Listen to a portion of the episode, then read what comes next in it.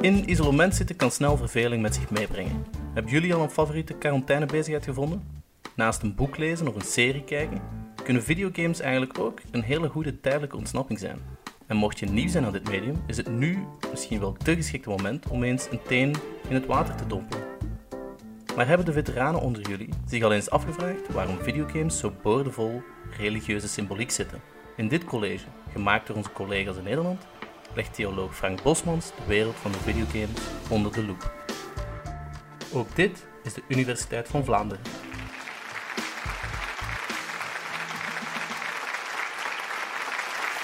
Ja, beste mensen, fijn dat jullie er vanavond willen zijn. En ik wil met jullie de vraag gaan stellen en beantwoorden waarom videogames toch vol met religie zitten. Maar de eerste en belangrijkste vraag is natuurlijk, wie gamet er onder jullie? Zijn er gamers in de zaal? Oh, gelukkig, er zijn er een paar. Goed zo, dankjewel. En, en zien jullie, de gamers dan onder ons, uh, veel religie voorbij komen in die games? Er wordt geknikt, ja? Wat, wat speel jij even gauw tussendoor? Wat speel jij? van alles, maar veel religie, hè? Helaas nee. Oh, helaas nee. Dan moet je, nou, nee, dan moet je op gaan letten. Het zit namelijk chockvol met religie. Videogames. En um, daar kan je namelijk verbazen van waarom zou er nou zoveel religie in die videogames zitten. Nou, mijn doel is om jullie te leren dat te zien en te begrijpen waarom. Kijk, in eerste instantie wij denken natuurlijk, of jullie denken als jullie uit Amsterdam komen, dat Amsterdam natuurlijk het middelpunt van de wereld is. En, en wij in Nederland denken ook een beetje dat wij het midden van de wereld zijn. En West-Europa denkt ook al gauw dat het het middelpunt van de wereld is als het Westen überhaupt die neiging heeft. Maar in de rest van de wereld is religie nog de normaalste zaak van de wereld. En hier in het Westen, in West-Europa en in Nederland, met onze seculiere samenleving zijn wij eigenlijk de uitzondering, een eiland in een wereldzee vol met religie. En hier in Nederland en in West-Europa zijn we met een seculier experiment begonnen, waarvan we nog moeten afwachten waar het precies gaat eindigen. Dus games die uit andere delen van de wereld komen, uit Oost-Europa, uit Zuid-Amerika, Noord-Amerika, zit nog vanzelfsprekend vol met religie, omdat het daar een vanzelfsprekend onderdeel van de maatschappij uitmaakt.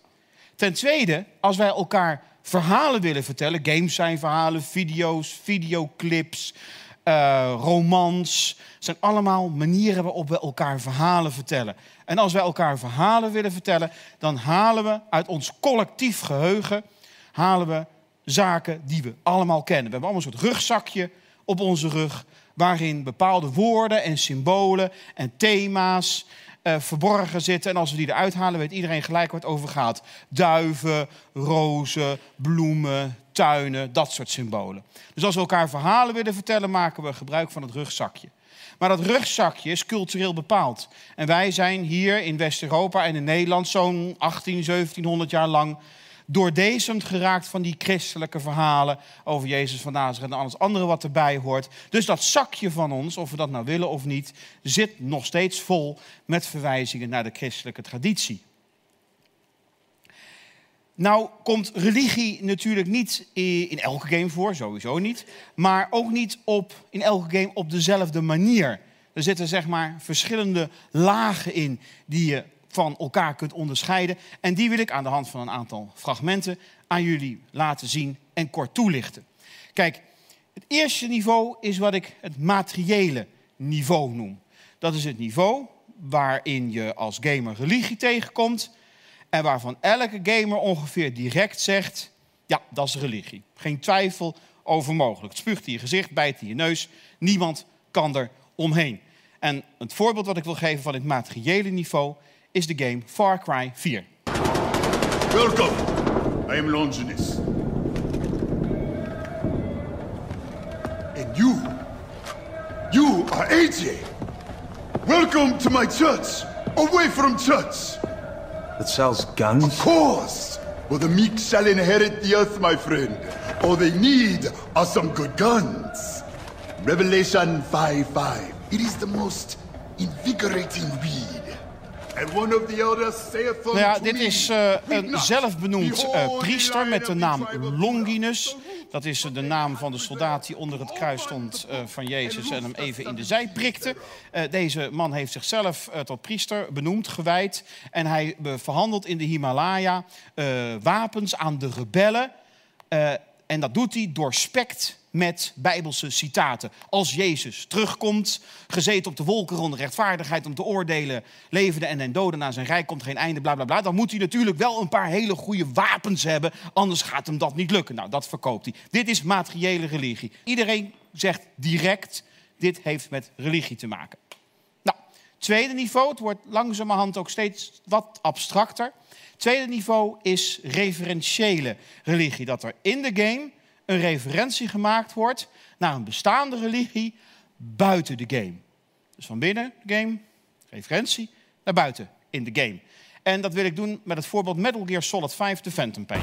Cypher plans to use its codes to control the world. They think they can. And the mother tongue of all those codes is hate. The word became flesh. The final parasites. It Nou, deze gezellige, iets wat eh, gemutileerde eh, man is Skullface. En die is pist op de hele wereld, zoals een goede superschurk dat behoort te zijn. Want ehm, eh, hij is toen hij een klein jongetje was, door vreemde soldaten uit zijn woonplaats, uit zijn vaderland meegenomen. En ze hebben hem verboden zijn moedertaal te spreken. En hij moest dus verplicht een andere taal gaan aanleren. En omdat hij natuurlijk het hem aangedaan is, wil hij als supervillain dat iedereen dat ook aangedaan wordt. Dus hij heeft een superparasiet ontwikkeld die op je stembanden zit. En als je de voorgeprogrammeerde taal spreekt, in dit geval Engels, dan dood. Dus hij kon zijn moedertaal niet spreken. Niemand mag zijn moedertaal spreken. Het is een supervillain. En hij zegt ook nog dat de moedertaal van alle codes Engels is. Dus als Engels niet meer gesproken kan worden, dan gaan ook alle computersystemen in de wereld eraan. En als hij dan ehm, die parasiet uit die koker haalt, dan zegt hij: Het woord is vlees geworden. Een citaat uit het Johannesevangelie. Maar dan precies in de omgekeerde betekenis van het woord. Bij, bij eh, Skullface betekent het de vernietiging van de wereld. En in Johannes betekent het de redding van de wereld. Het derde niveau is reflexieve religie. En u zult wel merken aan de voorbeelden, naarmate ik lager of hoger kom, al naar gelang u wil, dat die andere niveaus er doorheen klinken. Het is een soort blokken die je op elkaar stapelt. Dus het derde niveau is reflexieve religie. Als eh, de game reflecteert op levensbeschouwelijke en existentiële onderwerpen die je normaal gesproken traditioneel kan identificeren als religieus. Vriendschap, leven en dood, verlossing, verzoening, barmhartigheid en vergeving. Dat is reflexieve religie. Religie op het niveau van de reflectie. En als voorbeeld geef ik de Talos Principle. Behold, child, you are risen from the dust, and you walk in my garden. Hear now my voice, and know that I am your maker, and I am called Elohim. Seek me in my temple, if you are worthy. Ja, ik zei het al, de niveaus beginnen te stapelen. Dus je hoort al een referentie. Een referentie naar de stem uit de hoogte. Die het zegt, my child, mijn kind. Ik ben Elohim. En Elohim is de traditionele Hebreeuwse naam gebruikt in het Oude Testament om God aan te duiden. Deze game is reflexief van aard, want het is er aan de hand. Die stem uit de hoogte, die zegt tegen jou als speler, eh, first person perspective, zegt je moet doen wat ik zeg. Je moet puzzels oplossen en precies doen wat ik zeg. En als je precies doet wat Elohim zegt, dan is Elohim zeer blij met je en vervolgens moet je het spel opnieuw spelen.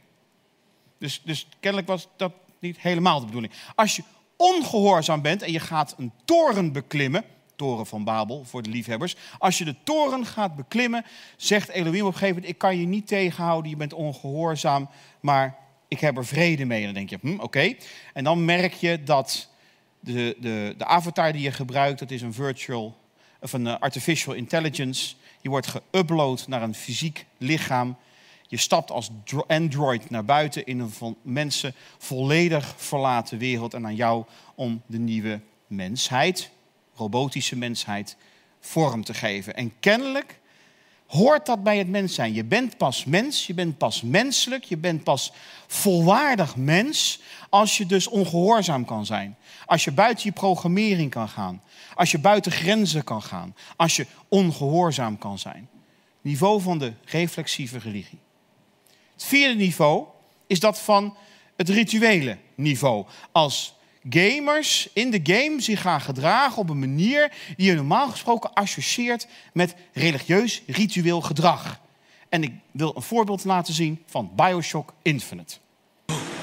If the prophet had struck down our enemies at wounded knee and not railed against the Sodom beneath us, it. If the prophet had just railed against the Sodom beneath us, but not accepted the three golden gifts of the founders, te komen. it Je moet nu would have been enough. Colombia in. En om de stad binnen te mogen is er geen enkele andere mogelijkheid dan je te laten dopen door deze iets wat overactieve protestante dominee die jou heel erg graag wil dopen, maar wel heel goed wil dopen. To be watered clean before our prophet, our founders, and our Lord. I just need passage into the city. Brother, the only way to Columbia is through rebirth in the sweet waters of baptism. Will you be cleansed, brother? Ja, je moet accepteren, want anders kom, kan je het spel gewoon niet spelen. Dus oké, doe maar. Hey. I baptize you in the name of our prophet, in the name of our founders, and the name of our Lord. En eh, dan blijkt je niet eh, schoongewassen genoeg te zijn. En eh, dan moet nog een keer, hè? Brothers and sisters, but this one doesn't look clean. Hoppa.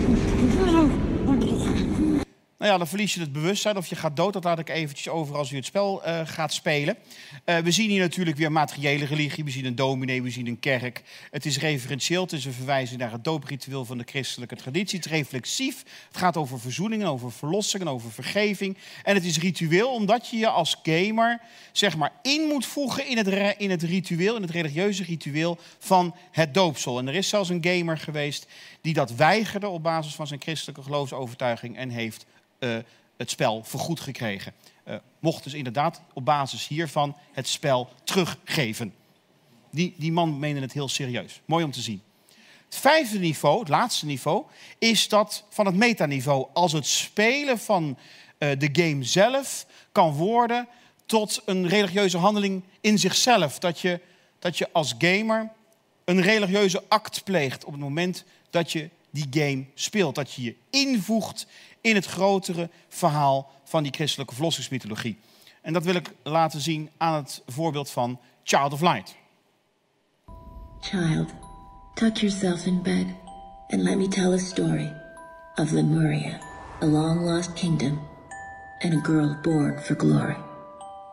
In Austria was a crown land ruled by a duke. Aurora was his daughter, child of a duchess mysterious, beloved by her father. He raised the girl alone. They were rarely apart, till the duke felt lonely and misplaced his heart. It was the Great Friday before Easter 1895. Het is de Grote Vrijdag 1895. Goede Vrijdag. En op Goede Vrijdag moet deze prinses, Aurora, morgenster, morgenlicht... en als je christelijk een beetje gevoelig bent, gaat het al iets prikkelen in je achterhoofd... moet naar de onderwereld gaan, naar Lemuria. Een plek die ooit prachtig en ooit schitterend was. Maar die nu eh, naar de Malachise geholpen is door de slechte koningin Umbra. Natuurlijk die stiefmoeder van haar vader, hè, die we net gezien hebben. En die ook stiekem Aurora eh, vermoord heeft. Dat, dat, dat voel je aankomen. En pas als prinses Aurora uit vrije wil haar eigen leven geeft... om die slechte moeder te kunnen verslaan... wordt zij door haar echte moeder, die afwezige echte moeder... de Mother of Light, de moeder van het licht opgewekt uit de dood. En zo zegt de game narrative. Op paasochtend wordt zij opgewekt. En dan komt ze in de bovenwereld. En de bovenwereld, haar volk, wordt bedreigd door een overstroming, door aardbevingen. En door een magische spiegel weet ze haar volgelingen mee te nemen in Lemuria, wat nu geen plek meer is van ellende, maar een plek van bevrijding en van eeuwig leven. En dat leidt als twee druppels water op het verhaal van wat wij in de christelijke traditie kennen als de nederdaling ter hel en het verhaal tussen de, tussen de kruisiging van Jezus en dood van Jezus aan het kruis en zijn opstanding op paasmorgen. Daartussenin, volgens de christelijke verlossingsmythologie, wordt daar de hel, de onderwereld, leeggehaald. Dat is precies wat jij als gamer hier in deze game aan het doen bent. Op een bepaalde manier zou je kunnen zeggen dat jouw handelen in deze game jezelf invoegt in die verlossingsmythologie van de christelijke traditie. Dan vraag je je misschien af, zijn er ook niet-christelijke religies in games te vinden? Jazeker, daar heb ik iets minder verstand van dan van de christelijke traditie. Daarom laat ik ze wat minder zien. Maar zeker, als je iets wil zien van de Joodse mystieken, van de Kabbalah... dan ga je naar Wolfenstein New Order en Wolfenstein The Old Blood. Wil je iets weten over het Zaraostrianisme, de oude Perzische staatsgodsdienst, die iets te maken heeft met die drie wijzen die wij altijd in die kerststal zetten? Dan moet je naar de Prince of Persia gaan. En heb je belangstelling voor een kleine Sjiitische secte, de Nizarische Ismaëlieten. Weet je die gasten met die messen die heel snel mensen kunnen vermoorden. Dan ga je kijken naar de Assassin's Creed-serie. Ik heb ze niet allemaal bij me, maar speel ze maar allemaal. Het is geweldig. Ehm, we gaan in games nog een hele hoop religie vinden. De kunst is om die religie te zien en om die religie te begrijpen. Niet om zelf gelovig te worden, mag best, maar hè, hoeft niet. Maar vooral om je eigen cultuur en je eigen geschiedenis beter te kunnen begrijpen. Dus waarom zitten videogames vol met religie? Omdat, of we het nou leuk vinden of niet, onze rugzak, of collectieve rugzak, vol zit met die christelijke verhalen uit die christelijke traditie. Ik dank u hartelijk voor uw aandacht. Ging er voor jullie een nieuwe wereld open met dit college? Of zijn jullie al vervente gamers? Laat ons op Twitter weten of je tijdens de quarantaine jouw eerste videogame hebt opgepikt. Of op welke game je nu met je extra tijd de leaderboards aan het beklimmen bent. Alvast veel speelplezier en tot de volgende.